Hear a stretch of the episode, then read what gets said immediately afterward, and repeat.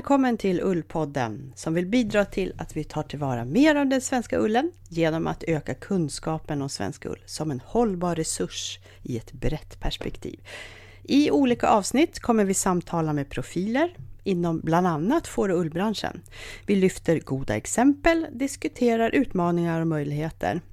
Vi vill sprida kunskap och inspiration som på sikt ökar din kunskap om ull, men vi vill också uppmuntra till innovationer och produktutveckling där man kan ta tillvara den svenska ullen. Du som lyssnar kan vara fårägare, hantverkare på hobby eller proffsbasis eller allmänt intresserad av den svenska ullen. Ullpodden drivs av Ullförmedlingen, en arena för svensk ull, tack vare bidrag från Nämnden för hemslöjdsfrågor. Vi som gör podden heter Fia Söderberg och Malin Ögland. Våra samarbetspartner Ann-Kristin Hult, hemslöjdskonsulent på Upplandsmuseet och Claudia Dillman, ull och skinnansvarig för Svenska Fårhusförbundet.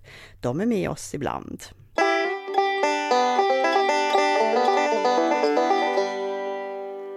Hej och välkommen till avsnitt tre av Ullpodden. Idag så är det tema bete och får och ull. Vi ska också ha en intervju med Oddebo Ull och vi kommer förstås ha Ullpatrullen och eh, vi kommer också ha ett kunskapstips i slutet. Vi börjar med en, en kort uppdatering. Vad, vad har hänt sen sist hos er, Ann-Kristin? Det är mycket kontorsarbete just nu. Ehm, vi förbereder ju ullmarknaden i höst och och eh, som eh, hemslöjdskonsulenter så har vi också ganska mycket sådana här skapande skola-projekt på gång.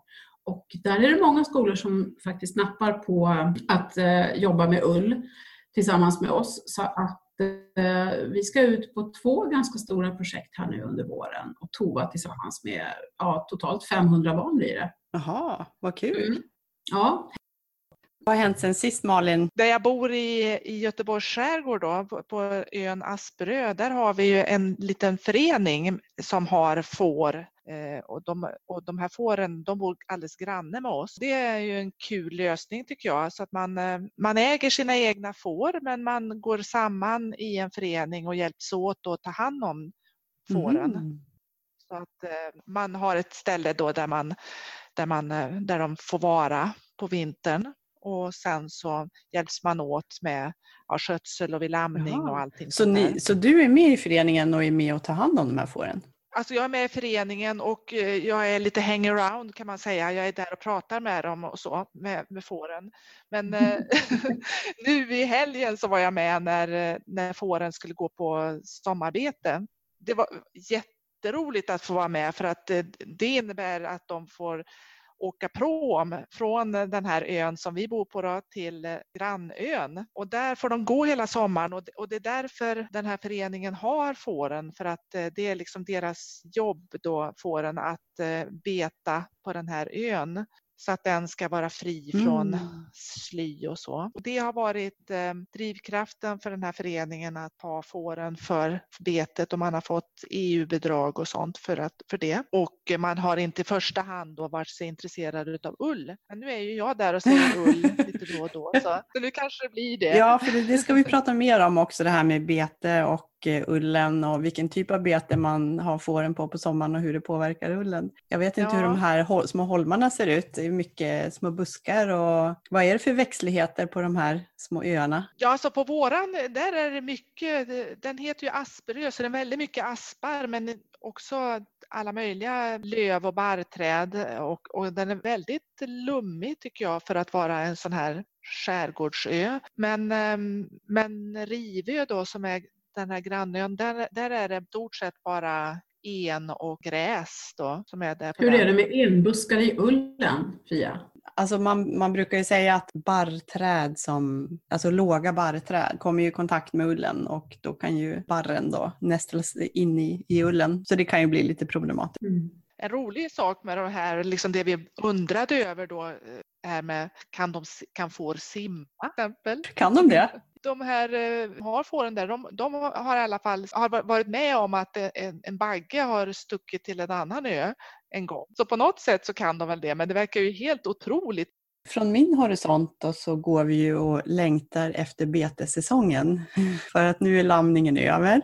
Nu börjar alla längta efter att få komma ut i frihet. Så det räcker med en till, tillsyn då, en eller två gånger per dag, eh, så de kan sköta sig själva lite mer. Här har snön försvunnit och gräset börjar bli grönt, men det är ju våldsamma översvämningar efter snösmältningen. Så att det är jättemycket vatten på mm. många av våra åkrar faktiskt. Så vi har fågelsjöar på våra betesåkrar.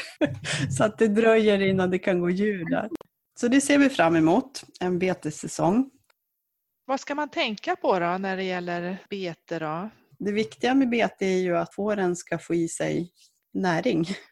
Och också att de fyller en funktion i att hålla landskapen öppna. De är ju fantastiska landskapsvårdare och det är många har ju får bara för den anledningen. Men sen när det gäller ullen så är det ju under betessäsongen som den här friska ullen börjar växa ut igen. I och med att tackorna får, får bra foder då, med grönt gräs så blir också ullen starkare och friskare. Och eh, om man låter dem gå på ett bete som inte skräpar ner ullen så mycket så får man ju en jättefin ull på hösten när man klipper dem. Då har de ju varit ute, det har regnat och det har, ullen har torkat i solen och det regnar igen. Och liksom, den är ju väldigt fräsch och fin på hösten. Men det man ska tänka på är ju framförallt att, ja, att man är medveten om vart, vart man sätter fåren. Sätter man fåren på på en mark med mycket tistlar till exempel och ogräs. Nu vet jag inte vad de heter men det finns ett ogräs som har små hullingar. Det är små bruna frön som är några millimeter ja, kanske en halv centimeter långa och så är det små hullingar. Är det timotej? Nej, det är det inte. Timotej är ju också väldigt dåligt, fast det har man ju oftast på vintern. För att det är ju som vallfoder när det växer ut. Det är ju, skördar man ju oftast ändå. Så det, fåren ska ju gå på ett väldigt lågt bete. De betar ju mm. väldigt nära marken. Så att man sätter ju inte fåren på 50 centimeters långa grässtrån. Liksom. Utan det ska vara kort. Det ska vara optimalt är väl 8 centimeter. Men eh, för det gjorde jag något år. Eh, jag hade en grupp får på vår betesmark där det var mycket tistlar och de här ogräsfröna som jag då inte vet vad de heter, men jag vet hur de ser ut. Och de fastnar ju i lammens ull och lammens ull är ju helt fantastisk. Men eh, jag förstörde ju en hel, en hel säsong med ull som inte gick att ta hand om på grund av de här fröna som fastnade liksom precis överallt. Runt halsen, på ryggen, ja, överallt där de gick fram. Och det var ju omöjligt att plocka bort dem där. Så det blev inget garn av den ullen. Det, var, det blev ju trädgårdsull av den. Och det var ju jättetråkigt för att jag hade inte tänkt på det. Men det kan ju också vara att man försöker undvika att ha dem på ytor där det är mycket jord. Det sätter sig också i långt in i ullen. Men oftast är det så att smuts, alltså smutsig ull, det kan man ju oftast tvätta. Skräpig ull är lite mer problematiskt, för det är svårt att plocka bort när det väl har hamnat där. Liksom. Och det är ju tall, alltså barr, barrbuskar och sånt. Det, det kan ju vara svårt att plocka bort. Men då kan man ju sätta får som är nyklippta till exempel på sådana marker som har mycket skräp. Eller att man sätter en grupp får där den ullen på de fåren inte är så viktiga. Det är klart det är inte så enkelt kanske att gå och slå med lie på sina stora betesmarker för att få bort tistlar och kard. Men det kan ju vara bra att veta att man, om man vill lägga ner tid på det så vinner man väldigt mycket på det. Och att man gör ett medvetet val då istället för att som jag blir, blir väldigt negativt överraskad när jag insåg att den här ullen bara slänga och det var ju fantastiskt fin lammull. Surt. Verkligen.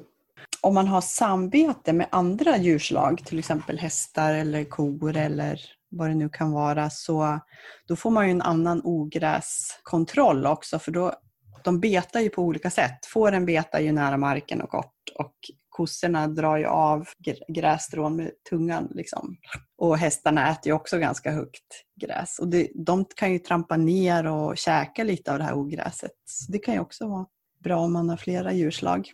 På betet så ska de ha tillgång till saltsten och de ska ha tillgång till mineraler. Och då mm. finns det mineralbaljer som man kan sätta ut som duger jättebra på sommaren för då får de i sig. Jag då som är på, på Bibliotekshögskolan, jag blir, jag blir ju jätteintresserad av det här. Hur går den här informationsdelningen till? Hur vet fåren att det är en mineraler där i en balja när de är på sommarbete och hur, och hur vet de att de ska gå dit? Hur funkar sånt? De känner att de behöver det. Ja, och sen är det väl kanske jag menar, får är ju flockdjur och är det en då som hittar, ja men här är saltstenen, vad bra, och så står den och käkar på den eller slickar på den. Då ser ju de andra det och så kommer de dit och sen vet ju de, där är saltstenen. Och samma med mineralbaljan, mm. det är ju någon som hittar den. Och ja. eftersom får är flockdjur och följer varandra så, så blir ju det en, en informations... Vad kallar du det för? Informationsdelning? Jag kan ju göra något stort här genom att undersöka fårs informationsbehov. och... Ett forskningsprojekt. Men när du säger eh, Fia att eh, ett får går dit och så här, finns det, eh, jag vet ju på Island har man ju ledarfår i flocken, alltid något ett får som liksom leder flocken och skyddar mot faror och, och känner på sig väderomslag och sånt där. Är det likadant i en fårflock här i Sverige? I min erfarenhet i alla fall att det är en som leder på något sätt och tar initiativet. Och många som har mindre grupper eller besättningar de har ju en sån pingla på sin ledartacka så ja. man också hör vart hon befinner sig eller vart flocken mm. är. Här i Uppsala så har vi ju faktiskt eh, får, åtminstone haft eh, förra sommaren, kanske för två år sedan också, får gått och beta nedanför slottet. Och eh, då har Uppsala kommun anställt en flock med får som går och betar av där. Och det är ett ganska bra sätt att vårda marken där från ta bort sly och, och hålla efter.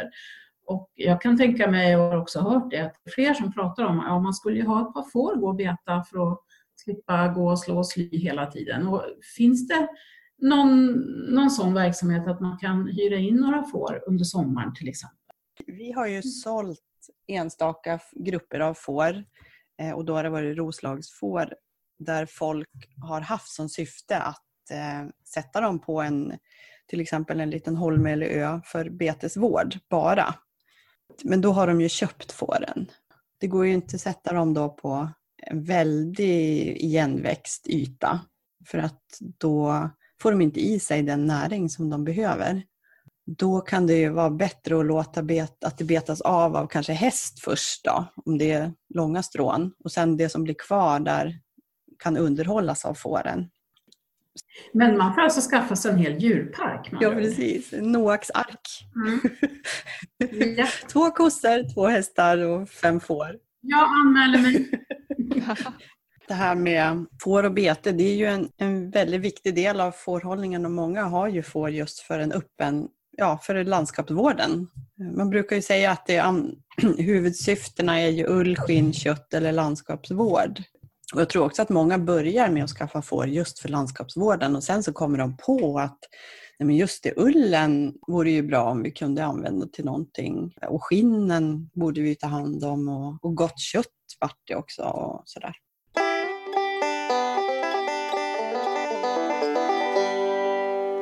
Idag är Ullpodden hos Oddebo Ull på Hållnäshalvön på studiebesök och Oddebo Ull är ett karderi som har funnits sedan 1991 och det är, tror jag, det enda i sitt slag. Och jag står här med Britt Skytt och Marianne Karlsson. Vill du berätta lite Britt vad er verksamhet består av? Vi sorterar all, vi får in ull och så sorterar vi den först då och eh, köper in all svensk ifrån hela Sverige, svensk ull är det då. Och sorterar den och sen tvättar den och färgar och kardar. Vi säljer den via webbshop och sen finns det en och annan som hittar ut dit också. Då. Hur mycket ull köper ni in på ett år ungefär? 6-7 ton. Och sen är det många fårägare också som lämnar in för att få ullen kardad. Ja, det har ökat absolut. Gans, ganska rejält. Men vi ska börja med att kolla, hur går det till då i karderiet? Vi står här vid ett sorteringsbord med en herrans massa stora papperssäckar med ull. Ja, vi får in ull. Oftast kommer det med DHL eller också kommer de upp själv med ullen då. Och sen har vi ett nät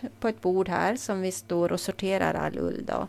Tar bort det mesta skräpet då. Den ska ju vara så ren som möjligt då. För de som köper ullen sen av oss, de vill ju ha rena flor. Mm. För allt går ju inte bort i maskin, utan det sitter kvar en del smått och då får vi slänga det då. Hur mycket behöver ni slänga ungefär? Det är ju väldigt olikt beroende på vilken leverantör det är. Är folk bra på att lämna ren ull? Jag tycker att de har bättrat sig väsentligt. Och vad ska man tänka på när man skickar in ullen? Man bör ju gå igenom den hyfsat bra. Ta bort bukull, hårt smutsade partier, mycket skräp och sånt. Gärna lägga ett tidningspapper mellan varje fäll. Skicka upp det i papperssäckar. Men att den är lite smutsig i topparna, det gör inte så mycket. Nej, vi, vi får ju sortera bort det om det är för hårt smutsat. Men en viss smuts funkar ju att tvätta bort. Är det bara höstull som ni tar emot, alltså halvårsull, eller tar ni helårsull också? Det är väl höstull framför allt som vi köper.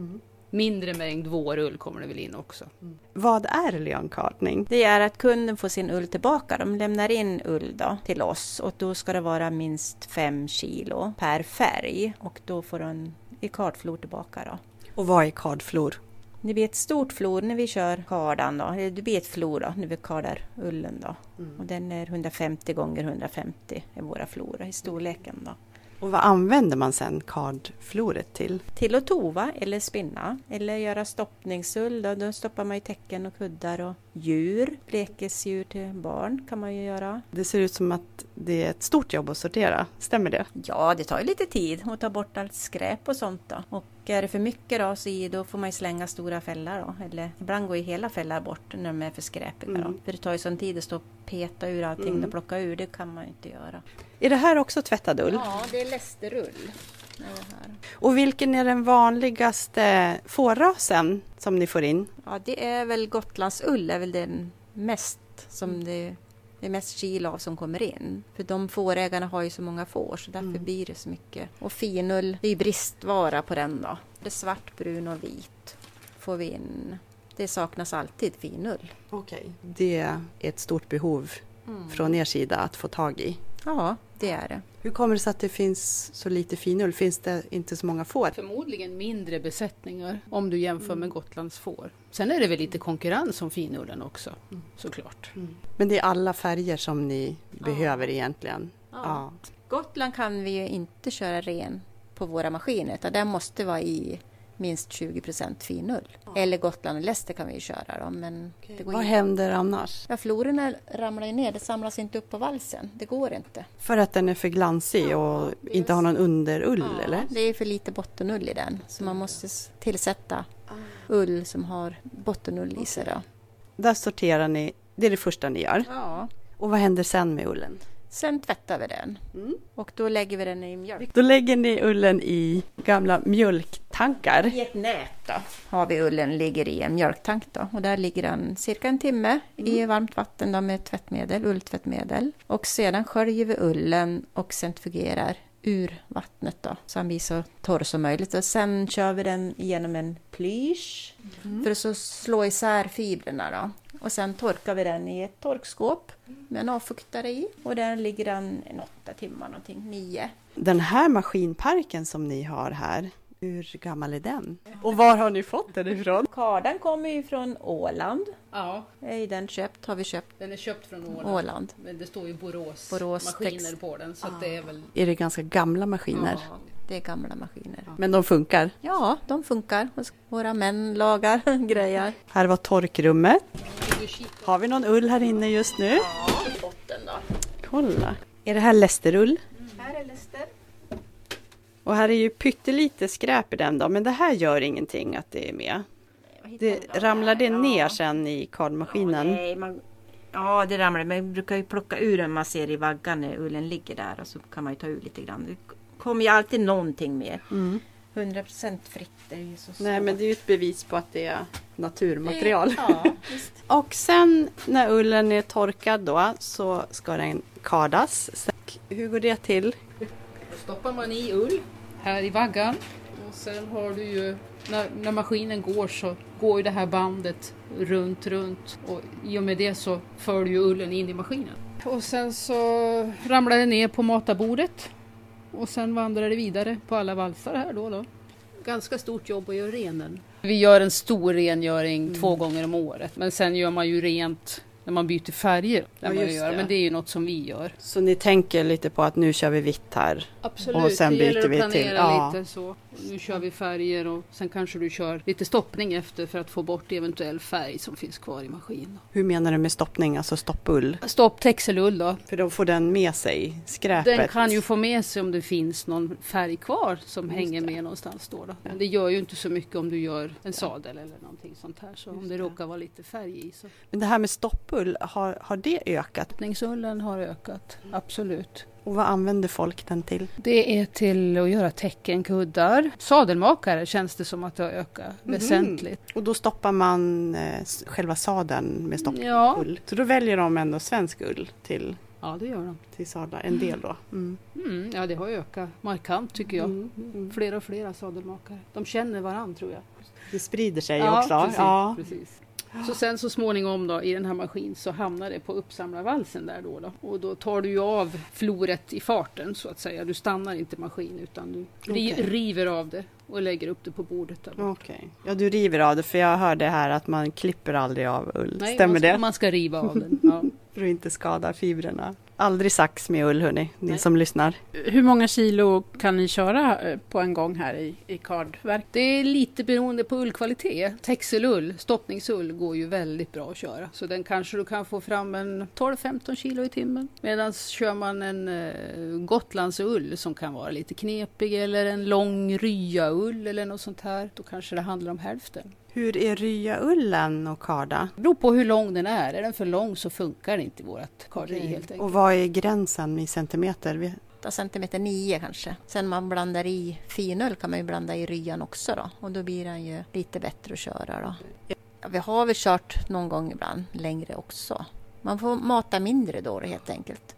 För jag tänker på de här, många av de här gamla allmogeraserna som har, den lammullen blir ju jätte, jättelång. Den kan ju vara vara en 15. 20 15-20 centimeter. Det, då är det knep. Har ni provat att karda Jämtlandsullen? Ja, det har vi. Jo, den gick bra att köra, eller hur? Man får mata ganska Ja. försiktigt av den också. Jag tänker eftersom den är så tunn att den... Men Gotland verkar vara den som Och den ställer måste vi till blanda i 20 procent minst då, för Ja. att kunna köra. Gute Gute. Okej. Får vi väl in en del. Men guteullen det är bra tovull, eller hur? Väldigt lätt tovad ja. Mm. Och lästerullen då? Den går bra att tova också. Mm. Det är olika användningsområden. Man gör ju Ja. olika saker med olika ull. Ja. Och när ni blandar då olika kvaliteter, då gör ni det i plysningen redan? Ja, stämmer. Och färgningen, när gjordes den? Den görs ju när ullen är tvättad då. Före kardningen så färgar vi. Det är också i en mjölktank då som vi färgar. Och fem kilo per gång. Och det ligger ja, från 45 till 60-70 minuter då. Det beror- på hur skarp färg man vill ha då. Helt. Ni har ju hållit på nu snart i 30 år och samlat på er otroligt mycket kunskap och erfarenhet. Men hur började det? Ha- Hade ni all kunskap från början eller? Nej, vi hade väl ingen kunskap alls. Vi var ju från noll direkt. Då tog vi kontakt här med Gunilla Sjöberg, Patå Sjöberg, som bodde i Älvkarleby just då, då och frågade henne. Så det är hon som har lärt upp oss allting då, från grunderna och vad vi ska ha för sorts ull till olika kvaliteter och det man gör tovar till då. Så hon har ju varit en enormt stor hjälp för oss då. Hon hade ju mycket kontakter dessutom. Men sen måste ni ha lärt er väldigt mycket av erfarenhet och praktiskt. Jo, så blir det ju med tiden. Absolut. Vad har ert företag, hur mycket har det betytt för den här bygden och Hållnäshalvön? Ja, det... utåt, men jag vet inte. mm, Det är inte så många här på orten som håller på med ull, Nej. dessvärre. Man skickar ju iväg ullen. Nu har ju jag med mig lite ull här idag som jag kanske skulle lämna in till er för leonkadning. Vi ska se hur mycket den väger. Den är ju bra rensad. Där var det ett litet grässtrå. Men det är inga ogräsfrön och apropå det här med bete nu då. Inga tistlar och Brännässlor. inga brännässlor. Och sen det här med dubbelklipp då. För det ibland så, det blir ju det när man tar med saxen två gånger så blir det små duttar. Ställer det till stora problem för er när man kardar ullen? Och I regel så försöker vi skaka ur, när vi sorterar ullen över ett nät, då skakar man ju ullen och ruskar ur det mesta. Så det mesta kommer ju. Det kan ju komma någonting, men att det brukar försvinna. Det är det, när den är så finfibrig som den här så fastnar det ju också väldigt lätt. Den liksom inte lossnar. Ja. Då kanske jag kan lämna det här hos er då. Mm, det kan ni Så göra. får vi se vad det kan bli för något. Man blir ganska fet och härlig om fingrarna när man håller på med ull. Men jag tänkte fråga också hur, hur ser ni på framtiden och det här med svensk ull? Och utifrån ert perspektiv, hur, hur tänker ni? Det är klart att vi är positiva till svensk ull. Det är, man ska ju ha svenska råvaror och det är ju bra kvalitet. Det är mjukt och fint där i och vi hoppas ju att fårägarna, att vi blir bättre allihopa då och tar vara på ull och hittar olika områden för all ull då. Även den där skräpiga. Och vi skickar ju även till Rosendals trädgård skickar vi lite sopor som de har i gångarna på sina planteringar, på odlingarna. kan man ju göra. Lägga i gångarna och sen göra varmbänkar och sånt kan man ju också använda skräpull till att lägga olika lager. Men de vill ha Gotlandsull, den gråa. Ja, det andra måste vi ju tyvärr kasta. Men de vill ha grå för att det ska se snyggt ut kanske också, att det blir mer estetiskt att det är samma färg. Mm, jag tror att det är så. Ja. Ja, det känns ju som en bra samarbetspart. Det är det. Och vad händer med Oddebo ull i framtiden? Ja, vi ska väl fortsätta ett tag till i alla fall. Så länge som man ser att det funkar och det är efterfrågan då. Men upplever ni att efterfrågan på era tjänster ökar? Ja, visst ökar de, det gör ju. Fast nu kanske det har stått still lite grann då, men att det kommer ju nya kanaler in och nya idéer så det är ju kul. Vi ska väl fortsätta då så länge vi ja, orkar hålla på.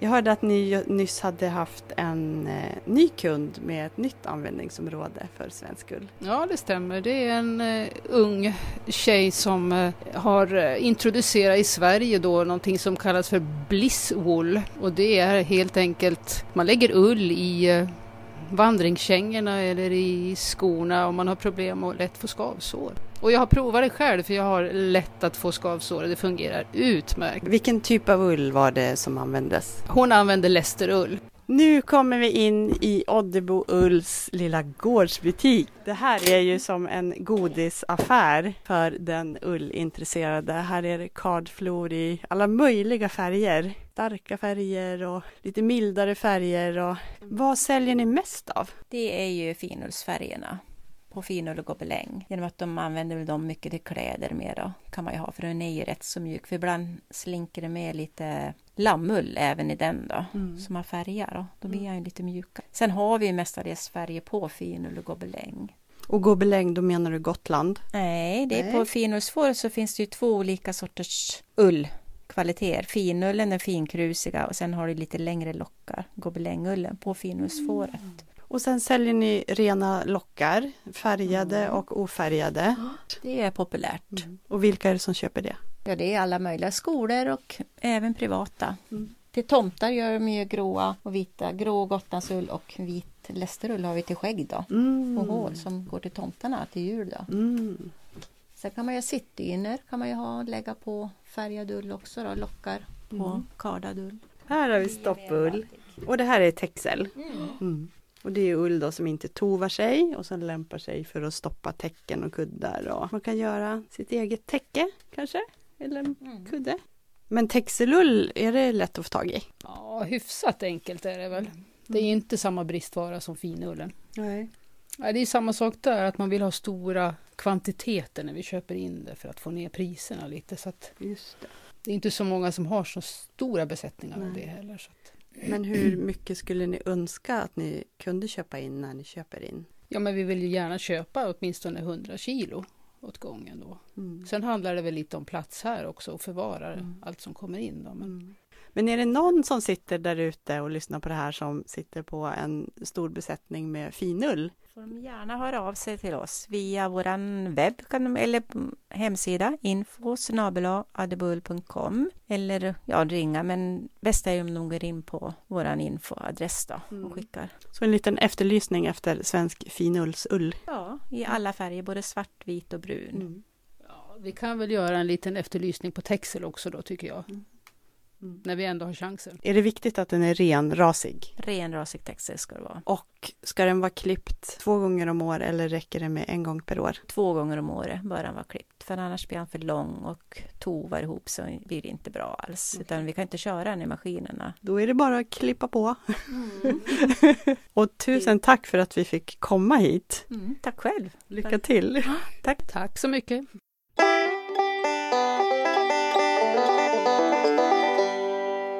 Det är ju intressant för ett sånt här företag som är så pass stort utåt och har så stort förtroende och när vi kommer dit så är det faktiskt ganska småskaligt och det ligger i en liten laggårdsbyggnad.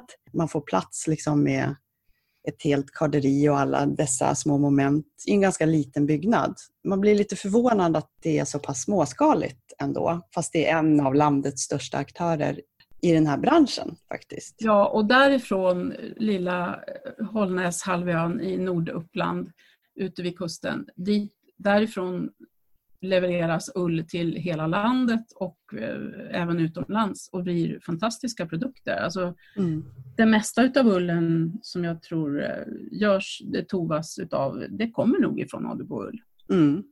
Så det är verkligen spännande att se Mm. att eh, de är så aktiva och Mm. eh, också vad, vad det blir utav det så att säga. Absolut, men sen verkar ju det vara ett problem det här med den här kedjan från fåret till själva produkten och om man börjar med fåret och fårägaren som ska leverera ull, man ska klippa två gånger per år, det ska vara hyfsat skräpfritt och sen det här med frakten som Britt berättade om att man delar på frakten oftast med fårägaren. Men det är ganska små partier som fraktas och att de också önskade leveranser av större partier på kanske 100 kilo eller pallar. Och att alla gör liksom så gott de kan utifrån sina situationer men det blir så uppenbart att det saknas den här infrastrukturen och logistiken för hanteringen. Förstår ni hur jag Mm. tänker? Ja.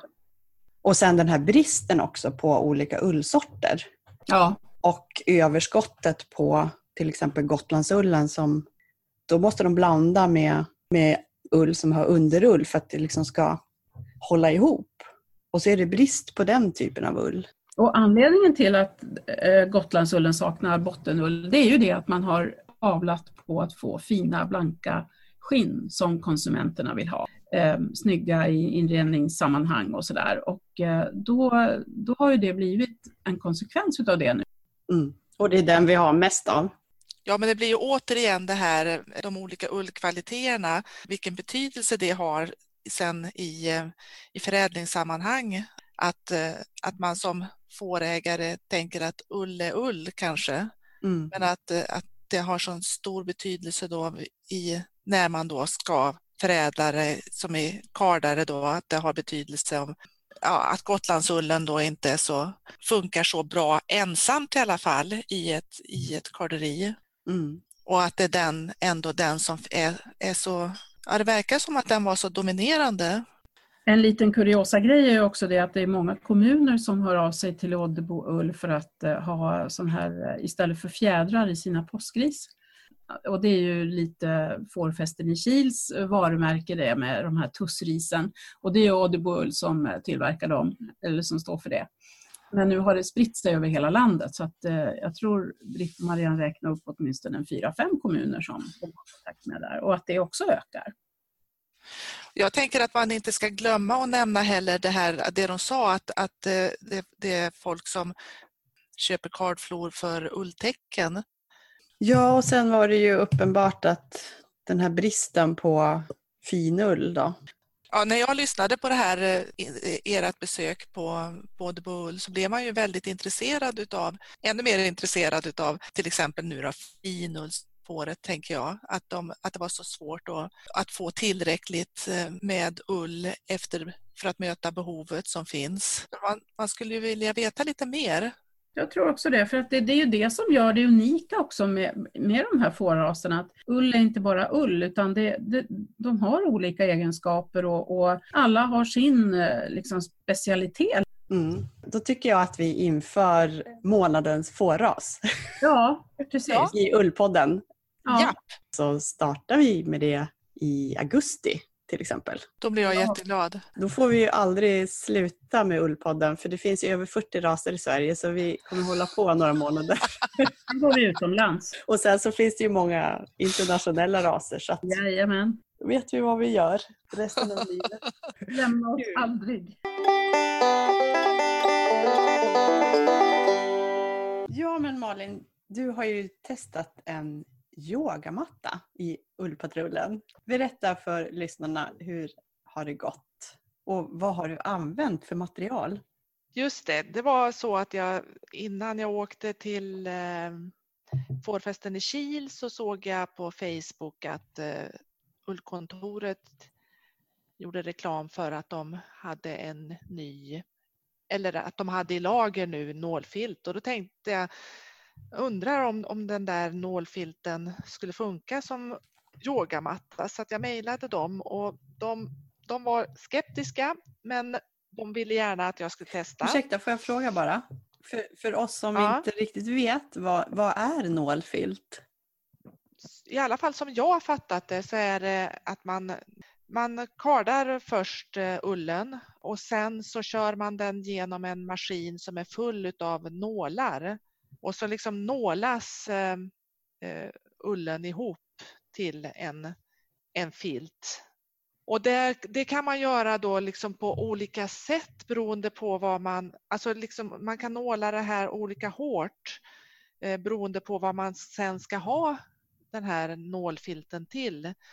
Om man är en tovare så kan man vilja ha nålfilt för att då är det liksom lite förpreparerat där och så, och så kan man liksom sen tova det ytterligare sen efter att man har vad jag, som jag uppfattade som den här nålfilten som jag köpte nu från dem, den var hårt filtad, tjock, hårt filtad. Mm. Okej. Vet du vad det var för slags ull och från vilken fårras? Jag tror att det var Gotlands får. Den är jag osäker på Den är faktiskt. grå. Mm, Den är grå, ja. då är det säkert det. Jag är ingen hardcore yoga-person utan jag yogar lite grann då och då. Eh, och det är mera liksom, alltså försöker att yoga efter att jag har sprungit och sånt. Så att jag, och det bästa med att yoga tycker jag det är liksom på slutet där när man ska Mm. slappna av. och ligga på yogamattan. Och, och så har jag en sån där yogamatta som jag har, har köpt som är liksom i gummi och den, ah, den är ju inte så himla, den blir lite småäcklig, liksom luktar ju lite gummi och sådär. Så att jag just tänkte skulle, man skulle vilja ha någonting annat. Så jag var väldigt nyfiken på det här med att pröva med den här Mm. yogamattan. Och nu har jag prövat och eh, jag har också en medtestare, min dotter som också har testat och hon är mera eh, hardcore eh, yogaperson. Och det som jag, jag tror att vi båda två var, trodde med den här att, att det, det skulle inte funka för att den skulle liksom glida runt på golvet Okej. Mm. trodde vi. Men det tycker inte, ingen av oss tycker att det har varit något problem faktiskt. Utan nu har vi inte prövat på prick alla typer av underlag men eh, vanligt eh, golvunderlag. Linoleummatta och brädgolv är väl det vi har prövat på. Men eh, däremot så är det så att om man gör vissa övningar som, som till exempel stående hunden så, så glider man liksom Mhm. lite grann. Och då är det liksom att man glider ovanpå så att säga. Alltså det är inte så att själva mattan glider. Utan, utan det är att man, man glider liksom med händerna och man glider lite grann med fötterna. Så då. Och det, det kan man ju tänka olika om. eh, Att eh, det blir en ytterligare dimension för yogan. Att man liksom måste liksom hålla sig kvar där. Eller så får man, om man tycker att det är obehagligt, då, så får man, liksom, man, man får inte göra den övningen helt enkelt. Då. För de andra övde, övningarna så, så tycker jag att det, det har inte varit några som helst problem. Snarare så är det liksom så himla skönt just att, att ligga på den och ja, det känns väldigt, eh, väldigt behagligt verkligen. Så jag kan tänka mig att om man, alltså det finns ju, nu vet jag inte vad de här olika typerna av yoga heter, men det finns ju mera sånt som är mer avslappningsyoga och sånt. Som, så jag tänker också på meditation och sånt där säkerligen skulle funka jättebra på. Den här var på 150 bredd tror jag. den här nålfilten så att jag köpte då 180 lång ungefär och så, så klippte jag isär den bara så att vi fick varsin. Okej. Och du tog den som den är? Du, du gjorde inget mer mer än att du sydde på något eller du använde den bara? Jag hade alla möjliga eh, idéer. Jag tänkte att jag skulle sy melangettstygn runt om till exempel och, och jag pratade med en dam på tåget ifrån från fårfesten som undrade om jag skulle brodera rosor och, på den. Och, ja, och då tänkte jag att just det här att jag egentligen skulle ha prövat nu då, inför idag att, att brodera någonting på, för just där liksom man skulle till exempel ha händerna och fötterna då, att man kunde sätta ut något sånt där, om det skulle hjälpa. Men Ja, för det tänkte jag också när du berättade det, att man kunde sätta på någonting just där man sätter händerna så att de inte Ja. glider. Då. Mm. Och jag har prövat med att liksom ha um, frottéhandduk och sånt där, men det har inte hjälpt. Det har bara blivit Mm, halkigare i så fall. Men, men det sa ju också ullkontoret att eh, de kan ju sätta till exempel eh, sån här gummilager under och sånt där. Om man, och det finns ju sådana som man kan köpa själv också om man vill Mm. göra det. Alltså det, det. Jag tänker att det här är någonting som man skulle kunna utveckla Mm, du är verkligen. ändå positiv till idén Mm. Ja, det är att absolut. det funkar ja. också med...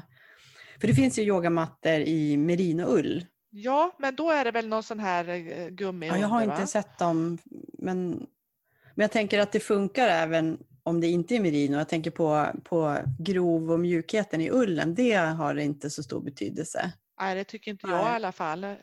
Eh, Men det är klart att om man är väldigt känslig, men man är ju inte fullständigt, man har ju lite Ja. kläder på sig i alla fall. Ja, men då tror du på den här idén ändå? Att det, Ja, eh, ja det gör jag.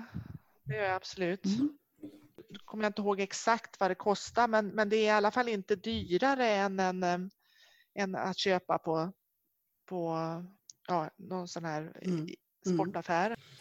ja, det är ju verkligen ett hållbart alternativ till någonting som, som är ett konstgjort material som med massa, säkert massa kemikalier och precis. grejer. Lättare också, tror jag i alla fall. Alltså rent viktmässigt om man ska bära med sig den. Mm. Ja, Vad roligt. kul. Och du Ann-Kristin har, har hittat något som de kallar för ullbollar. Vad är det? Jag halkade in på någon amerikansk sida var det väl och eh, sen så gick jag vidare till Etsy då som eh, är en, en sajt eh, där eh, det säljs mycket slöjd och, och handarbete av olika slag. Och eh, där är ju det här med ullbollar väldigt stort. Och det handlar om alltså att man eh, kan utesluta sköljmedel när man då tvättar och sen ska tumla sin tvätt. För det här går ut på att man lägger fyra, fem, sex ullbollar i torktumlaren för att eh, man då först ska kunna ta bort sköljmedlet när man, när man tvättar tvätten. Och ehm, de här bollarna ska då dels eh, suga upp fukten ur tvätten så att torktiden i tumlaren blir kortare. Alltså man sparar energi. Eh, och bara det här att slippa använda kemikalier då så har man ju kommit ett steg mot ett mer, en mer ren miljö så att säga. Mm. De här ullbollarna, vad jag förstår så ska de vara kanske ungefär så stora som en tennisboll eller något mindre. Och går ju att använda tvätt efter tvätt efter tvätt då i tumlaren. Så att ehm, det är ju enkelt att göra de här själv såklart. Det fanns ju också beskrivningar på nätet då hur man gör. Mm. Det handlar om att man eh, nystar ullgarn helt enkelt till ett nystan. Jaha. Man kan göra de här bollarna själv då ganska enkelt genom att nysta ullgarn i små bollar och eh, lägga dem sen i en nylonstrumpa, ett ben som man eh, knyter om mellan varje boll och så lägger man det i tvättmaskin och filtar ihop dem till bollar så att de inte snurrar upp sig. Då, Ja. då har man färdiga bollar som man sen ska kunna använda i torktumlaren. Då har man dem eh, färdigfiltade och sen kan man ju använda dem gång efter gång då i tumlaren. Och jag använder ju varken sköljmedel eller tumlare själv så att jag är ingen bra testperson. Mm. Men jag tänkte att det kanske är några av våra lyssnare som kan delge erfarenheter till oss för att eh, det låter ju väldigt smart Absolut. faktiskt. Det skulle ju vara jättekul om någon ville testa ullbollarna, antingen att göra själv och, och testa eller, eller Ja. skaffa några ullbollar och, och, och sen berätta för oss hur, hur de funkade. Mm. Och skillnaden ska ju då bli att dels är torktiden kortare men också att kläderna blir mjukare och speciellt tänker jag till barn då. Det drar ju också ur eh, statisk elektricitet Mm. då. Att, eh, jag läste någonstans att eh, de här ullbollarna kan dra åt sig katt och hundhår ur kläderna och så, att det fastnar på ullbollarna då. Så att, eh, ja varför inte testa? När du läste om det här då, eh, Ann-Kristin, var det någon speciell ull? För att jag vet att jag för några år sedan eh, såg sådana här ullbollar och då var det merinoull som de var gjorda utav och så tänkte man att det var väldigt onödigt. Har du någon, vet du om det spelar någon roll vad det är för ullkvalitet? Nej, det tror jag faktiskt inte att det har. Man, man, om man tittar på Etsy då så är de ju i alla möjliga färger och varianter och olika ullkvaliteter. Och den här sidan som jag tittade på av en händelse bara sådär, den eh, rekommenderade också att man kan ju om man är riktigt så här miljötänkare så kan man repa upp en gammal ulltröja då och få garnet därifrån. Så att eh, jag tror inte att det har någon speciell, eh, man kanske inte ska ha guteull som har mycket döhår och sånt där i, men man får prova sig fram helt enkelt tror jag. Ja, det är fritt fram och testa Vi gör en liten efterlysning hos våra lyssnare. Vem vill testa ullbollar?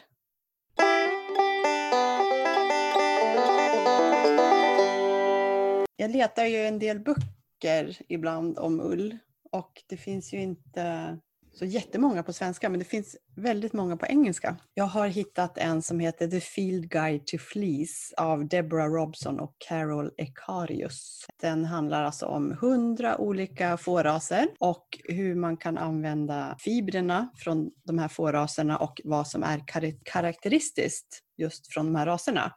Och eh, det är ju en, eh, det är många internationella raser men det finns faktiskt, Gotland är ju stort internationellt också, Gotlandsfår. Så de finns med i den här förteckningen och även gutefår finns med. Och sen finns det ju några raser som vi också känner igen som vi har i Sverige som Suffolk till exempel, Shropshire, kanske inte finns jättemånga sådana i Sverige men Rya finns med också ser jag nu. Sen, sen finns det några nya raser i Sverige som finns med här. Kerry Hill, vi har en liten besättning av Kerry Hill och även Border Leicester finns det en fårfarmare som har importerat. Oxford Down finns med, finns ju också i Sverige. Du pratade här om dagen, Ann-Kristin, om Soai-fåret. Heter det så? Soai, de finns med här. Det är från Skottland, ett sånt här utrotningshotat lantrasfår med Mm. svart ull tror jag. Men det som är roligt med den här boken, jag kommer lägga ut en bild också på den i Facebookgruppen, det är att det är som en liten eh, handbok som man kan ha med som när man går och plockar svamp. Man kan ha med den liksom i fickan. Och det är en kort beskrivning på, på själva fåret. Och sen är det en bild på själva fibern och hur lång den är. Eh, vilket land den kommer ifrån. Eh, hur mycket ullen väger finns det med. Längd. Och sen grovlek. Och här använder de då mikron som är ett vanligt internationellt mättal. Och här står det att Gotland då har 27 till 35 plus mikron. Och sen står det också färgen. Men den är lite kul och det är ju väldigt många olika typer av ull. Och man ser ju väldigt lätt liksom skillnaden också på hur, hur lockarna ser ut. En del har ju mycket täckhår och är långa. Och merino fanns ju med här också. Och merino har ju, det är ju i princip bara underull i merino. Det har liksom Mm. inga täckhår här som, som skyddar mot väta och eh, är ju väldigt mjuk mot huden då, och är väldigt kort. Den där boken är värdefull. Jag har träffat Deborah Robson flera gånger och hon är ju en enormt hängiven ullfantast. Ehm, Hon har skrivit flera böcker om både stickning och ull. Så att eh, hon är en väldigt eh, pålä... Hon har ju faktiskt rest runt och eh, träffat de här fåren. Så att alla bilder kanske hon inte har tagit, men, men just att hon, hon, hon har åkt runt världen med fårögon och ullögon. Mm. Ja, vad kul. Så hon har Mm. hälsat på alla fåren som finns i boken. Ja. Mm. Bara det, Ja, hundra stycken. Ja, men det är mycket spännande, roliga raser också här som man aldrig hört talas om. Och, eh, och några som man känner igen. Har ni några kunskapstips? Hur är det med dig Malin? Har du något du vill dela med dig av till poddens lyssnare? Ja, jag sitter och studsar lite grann här för att nu hörde jag ju att ni sa swai-får och då tänkte jag, det var ju precis om swai-får som jag hörde en, en föreläsning om delvis då. Här för några veckor sedan så i Göteborg så hade man någonting som hette Vetenskapsfestival där det var eh, föreläsningar på massa olika ställen från morgon till kväll. Och då lyckades jag pricka in en sån föreläsning som handlade om ullproduktion och handel ur ett eh, arkeologiskt perspektiv. Och att eh, det här med ullproduktion inte var något, något nytt då, utan då var jag och lyssnade på Serena Sabatini som är arkeolog och hon pratade om ullproduktion och handel mellan 3000 och 1000 år före Kristus. Det är alltså 3000 år före Kristus, det är ungefär bronsålder då. Okay. Eh, och då den, den fårrasen som, man, som fanns då, som man, som man tror liksom att den såg ut då, det, det är ungefär som den här swai-fåret. Swai-fåret då är, är väldigt, har väldigt kort fiber och att de fäller fällen. Mm, okay. Så att man liksom, man liksom plock, då, man tror då att på den tiden då så plockar man fåren eh, på, av ullen. Mm, just det. Och att, och att en, en, eh, ett får då producerar ungefär mellan 300 till 700 gram Mm. ull per år och det. får. De finns ju med i den här boken som sagt, Swai. Och här står det ju eh, också det. Längden 4 till 10 cm, 350 gram till 1 kilo per år. Mm. Ja. Och vi pratar alltså om Skottland då, en bit utanför. Det är en ögrupp utanför Skottland. Ja, Sankt Kilda. Mm. Mm. Det här är ju säkert ursprunget till många av våra gamla allmogeraser tänker jag också och lantraser. Och till exempel gutefåret fäller ju också sin ull Mm. och tappar den liksom på våren. Men eh, vad intressant Malin, vad vill du berätta mer om? Ja. Så. Alltså det var ju så coolt det här med att eh, det hon började med att säga var ju det här hur oerhört viktigt eh, textilproduktion är för, för världsekonomin och samhällsutvecklingen och att eh, ullproduktionen då har varit så utvecklad under så lång tid. Alltså då, hon menade på då att det var i Mellanöstern började då produktionen av ull ungefär då 3000 år före Kristus och eh, gav då ett exempel på till exempel eh, Ebla, ett slott som låg ganska nära där dagens Aleppo ligger nu, där man har hittat då lertabletter med kilskrift på och med fullt då med information om hur, vilka som jobbar och hur man gör. De har hittat ett helt arkiv med sådana här lertabletter och en hel avdelning då som handlar om ullinformation. Wow! Otroligt! Ja, och då, då fattar man det som att, eh, att man hade ungefär 100 000 får Okej. eh, på det här stället då i Ebla för att få ihop. Men, men eh, man ser också då att, man, att det räckte inte utan man köpte dessutom ull för att kunna framställa då. Eh, Och vad gjorde man med ullen då? Vad var det för produktion man hade? man gjorde färdigt tyg. Mm. Man räknar med ungefär att från, från råull så, så går det åt ungefär 127 arbetsdagar. För det är liksom, det är så, allting är så oerhört väl eh, dokumenterat där då. Oj. Och Knossos var också ett, eh, ett palats då som, där, de, där de, ägde, de ägde fåren men de hade dem som så, att säga på entreprenad eller man ska säga då ute så det var fåraherdar som tog hand om dem och så levererade de då ull till palatset och de hade ungefär 80 till 100 000 får. Mm. De producerade då ungefär 60 ton ull per år Mhm. För export. Jaha. Även här i Skandinavien då så har man, har man hittat då, eh, textil, textilier från fornhistorisk ull. Och då är det i, i Danmark så under 14, eh, ja vi hade i alla fall i, i Skandinavien så hade vi en, en eh, 1400 till 1300 före Kristus ungefär så hade vi en begravningsritual i Skandinavien där man begravde, ja inte vem som helst men betydelsefulla personer då i, eh, i i ekkister som man sedan förslöt då, så, så att de där har har då inte den biologiska nedbrytningen eh, gått så hårt utan man har hittat då väldigt fina kläder. Och då har man kunnat göra då sån här strontiumisotopanalyser på den här ull, ullfibrerna och sett att det är inte ull ifrån Danmark utan man har alltså köpt in då den här ullen. Mhm. Så det, vilket då tyder på att det här var ju en, en väl, världsomfattande handel med Mm. ull. Det var en viktig handelsvara helt enkelt. Som hon sa, hon var inte ensam om det då att, att eh, liksom säga att, att anse att eh, textilproduktionen är så viktig och eh, så att man nu har vi valt att säga bronsåldern och järnåldern, men hon menar på att man skulle lika gärna kunna säga ullåldern Mm. Mm. om bronsåldern och att järnåldern då, då, då har man fått fram mer ulliga får, Mm. alltså eh, får som är med längre ull. Så då togs liksom eh, själva ullproduktionen tog ett nytt steg där samtidigt som det vi kallar för järnåldern nu. Ja, vad intressant. Ja, coolt Det har va? man ju inte läst om i Mm. skolböckerna direkt. Nej, det var roligt. Det här är inte något nytt att, att jobba med ullförädling. Nej, verkligen inte. Och det finns ju dokumentation, helt klart. Även Ja. om det inte är i pappersform eller digitalt så finns det även lertavlor som man kan... Lära sig kilskrift då. Ja, men precis.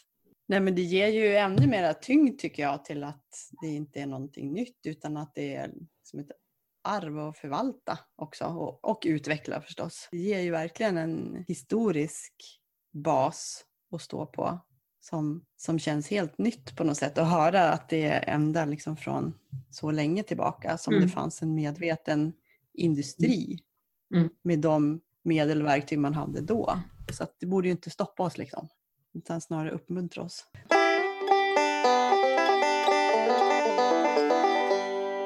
Vi ska börja runda av här snart, men vad har vi pratat om idag? Har vi kommit fram till någonting?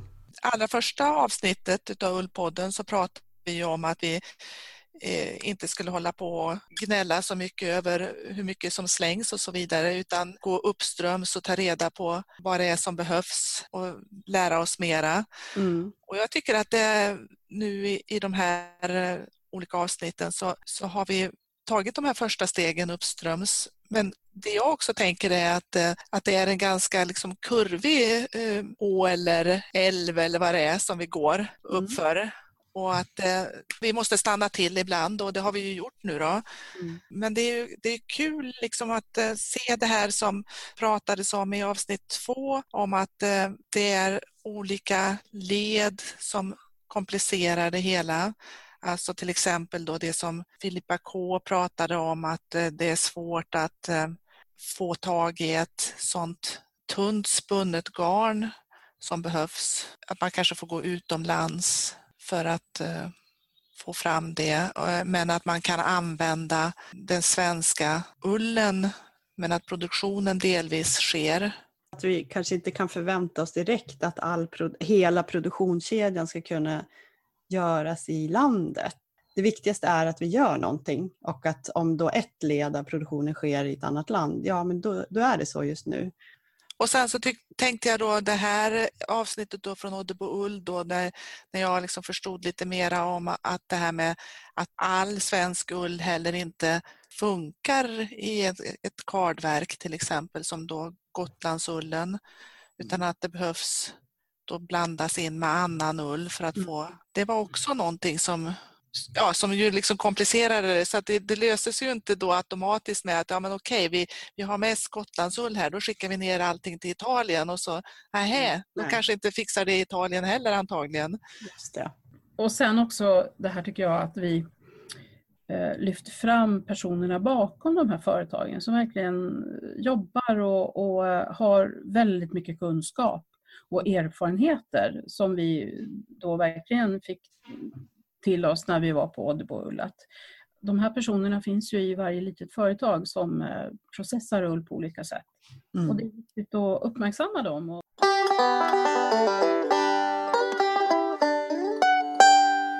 Då avslutar vi det här avsnittet av Ullpodden. Tack för att ni var med oss. Och är det någon där ute som känner för att testa det här med ullbollar så gör gärna det och eh, berätta för oss sen hur, hur det funkade. Och i förra avsnittet så pratade vi också om lammull och ifall det var svårt att tova lammull och så. Så det får ni också gärna testa ni som vill och, och höra av er till oss hur. Men med detta så tackar vi för idag och vi ses igen om en månad ungefär. Hej då! Hej då!